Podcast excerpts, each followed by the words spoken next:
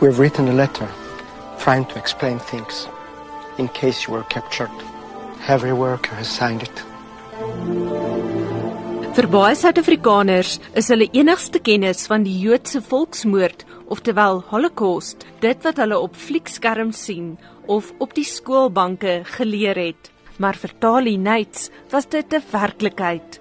Al was sy nog nie gebore tydens die Tweede Wêreldoorlog nie, het baie van haar naaste familielede daar gesterf. My family, both my mother and my father, were born in Poland. My mum was lucky enough to get out of Poland just before the war, so she did not suffer, even though she lost many members of her family, uncles, aunts, cousins, grandparents. They all had killed. But my father and his family, he was only 14 years old when the war started in 1939. Poland was occupied by the German army, and my father was taken to different concentration camps. My grandmother and my two aunts, they were 12 and 16 years old, did not survive. They were murdered by the Nazis in one of the killing centers in the east of Poland called Belzec. And uh, father, Moses, or his Polish name was Marian, and my uncle Henrik worked as a slave laborer, was moved to different concentration camps.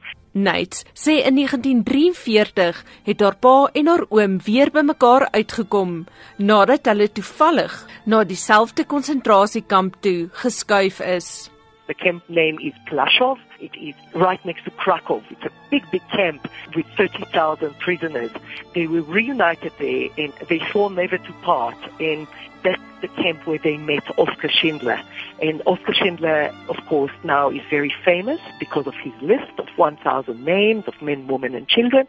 Both my father and my uncle were on the list uh, on page 10, Oskar Schindler's famous list. And then they were taken to another camp, uh, Gross-Rosen, and from there to their last camp, the camp that Oskar Schindler built in Sudetenland, uh, next to his hometown, called Brünnlitz. They were there for almost a year with him and with the other prisoners, and were liberated by the Russians, by the Red Army in May 1945.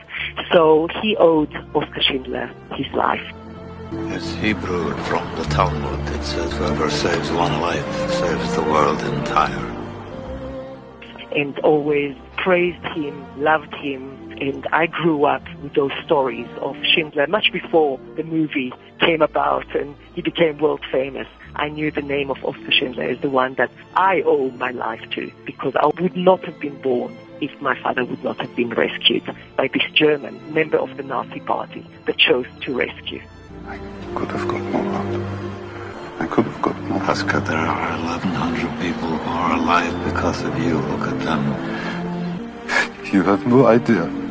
If I just. There will be generations because of what you did. I didn't do enough.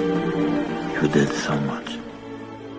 Maar dit was nie net Oscar Schindler wat gehelp het om die Jode te red nie. Volgens Knights het Suid-Afrikaanse geallieerde soldate ook hulself in die stryd gewerp en van Noord-Afrika tot in Italië gaan veg. More than 10,000 South African soldiers died in the Second World War. And of course, South African pilots were the pilots that took the very famous pictures of the Auschwitz camp in 1944. South Africans don't know that history. They don't know that our own Squadron 60 of the South African Defence Force that worked with the RAF took those very famous pictures of Auschwitz, aerial photographs of Auschwitz. So there is lots of connections between Africa and the Holocaust. Volgens Knights het Jode vanuit Nederland, Roemenië, Duitsland en Oostenryk hulself na die Tweede Wêreldoorlog verby is in Suid-Afrika kom vestig. Ek is Anne Marie Jansen van Vuren vir SAK nuus.